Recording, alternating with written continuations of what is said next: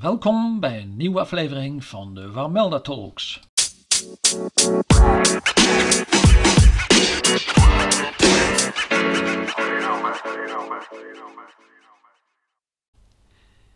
In deze tweede aflevering over de doodstraf in Warmond gaan we in op het verschijnsel executiegalg en tentoonstellingsgalg.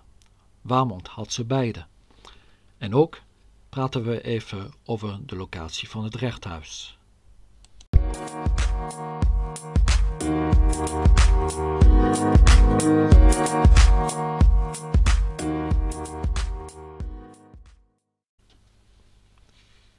Galgen waren in de middeleeuwen niet alleen in Warmond, maar in heel Nederland en ook elders in Europa een vertrouwd gezicht.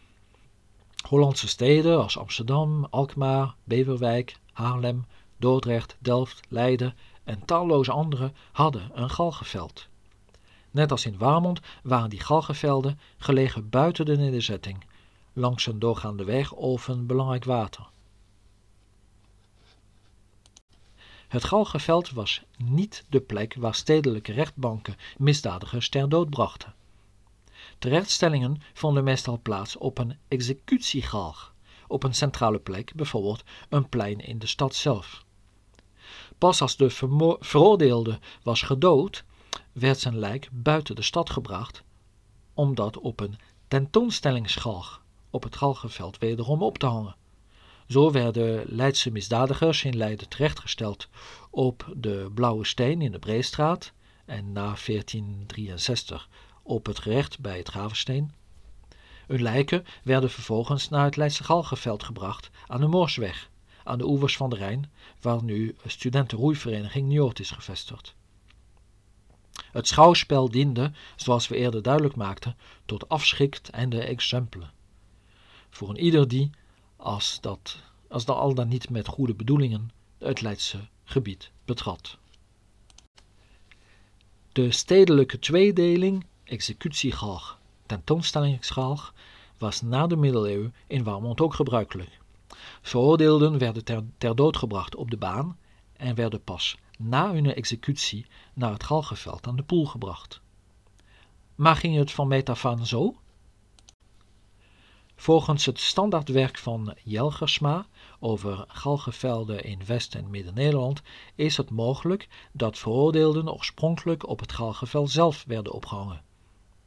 Dit wil zeggen dat veroordeelden in de late middeleeuwen niet in de nederzetting werden terechtgesteld, maar levend naar het galgenveld werden geleid om daar ter dood te worden gebracht, waarna zij gewoon bleven hangen totdat zij vergaan waren. Vooral op het platteland, in heerlijkheden die de hogere jurisdictie bezaten, waren de executiegalg en de tentoonstellingsgalg volgens Jelgersma één en dezelfde galg. Jelgersma kon dit helaas alleen in Duitsland echt aantonen, maar voor zijn stelling is in Holland ook steun te vinden.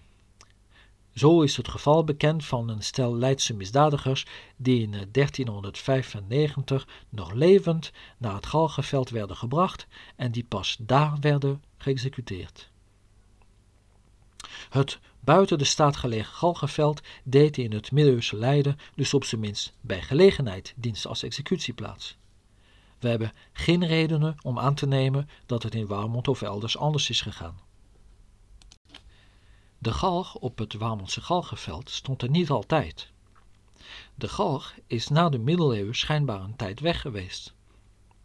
Het kaartenboek van de abdij van Rijnsburg, die op de geest in Warmond enige landerijen bezat, vermeldt namelijk dat de abdij in 1596 nog zo'n 75 roede land bezat uit een stuk lands, groot omtrent 600 roe, toekomende de edele heren van Warmond, daar eertijds het gerecht placht te staan.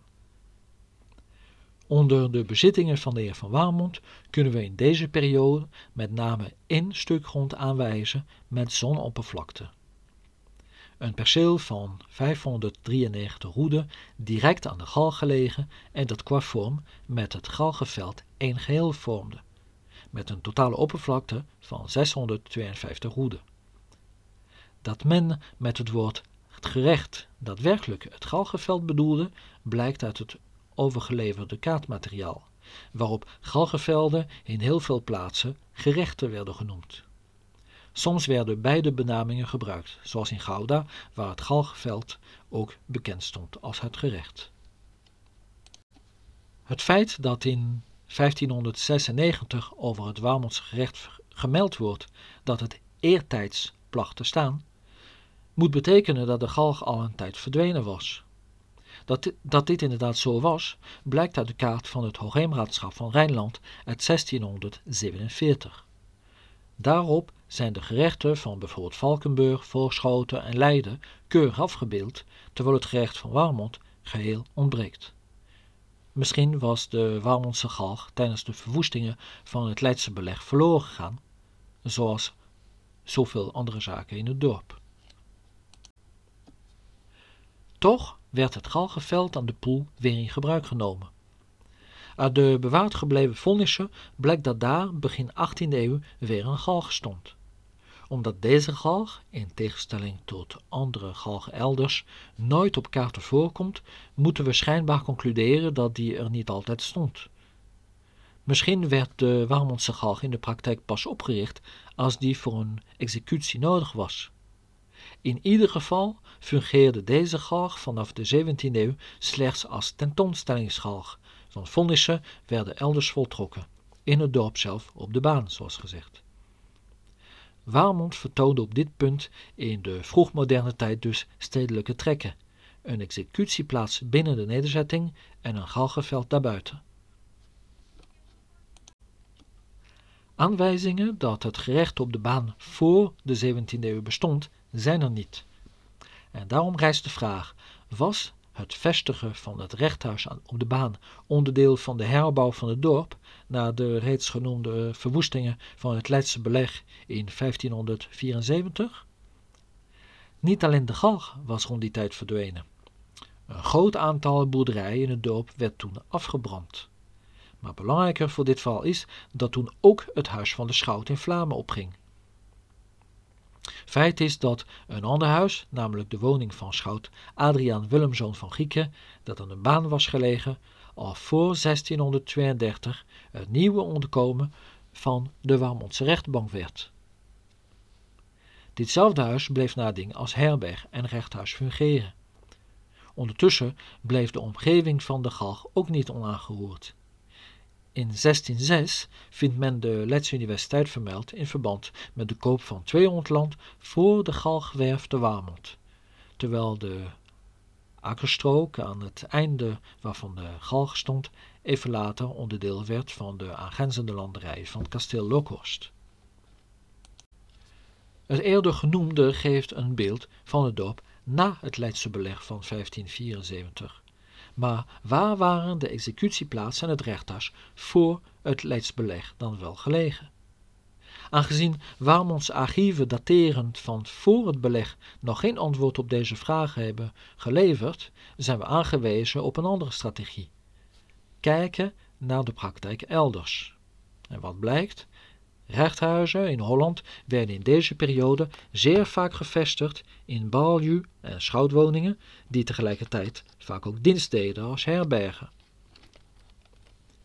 In Noordwijk bijvoorbeeld stond de woning van de balju in de 16e eeuw bekend als het huis waar recht gesproken werd. En in Voorschoten werden rechtszittingen in dezelfde periode in een herberg van de schout gehouden.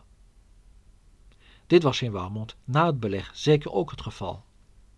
Al vanaf 1612 spreken de mogenboeken van Adriaan Willemzoon, Balju en de schout tot Warmond eigen zijn hoofdsteden. En deze hoofdstad aan de baan, dat, dat uh, hoorden we eerder, stond vanaf 1632 inderdaad bekend als herberg en rechthuis. Als we willen weten waar het Warmondse rechthuis voor het beleg van Leiden gevestigd was, doen we dus waarschijnlijk goed aan om naar de balju- en schoutwoningen te zoeken. Het mogenboek van 1564, dus voor het beleg, vermeldt dit huis. Die balju en de schout van Warmond zijn hoofdsteden. Volgens het mogenboek stond deze hoofdstad direct ten noorden van kasteel Lokhorst. Bijzonder aan deze ligging is dat de woning van de schout in 1373 ook al op deze plek stond. Maar of dit betekent dat het rechthuis tussen 1373 en 1564 altijd op dezelfde locatie heeft gestaan, is op zijn minst erg onzeker. Over het galgenveld zelf kunnen we wat stelliger zijn. In 15, 1596 was het galgenveld hoe dan ook al oud. Anders had men toen niet kunnen melden dat daar eertijds het gerecht placht te staan. Kort na 1500 stond er dus met zekerheid een galg aan de poel, en misschien ook eerder. Maar hoe dan ook niet eerder dan 1402. Meer kunnen we hier niet over zeggen.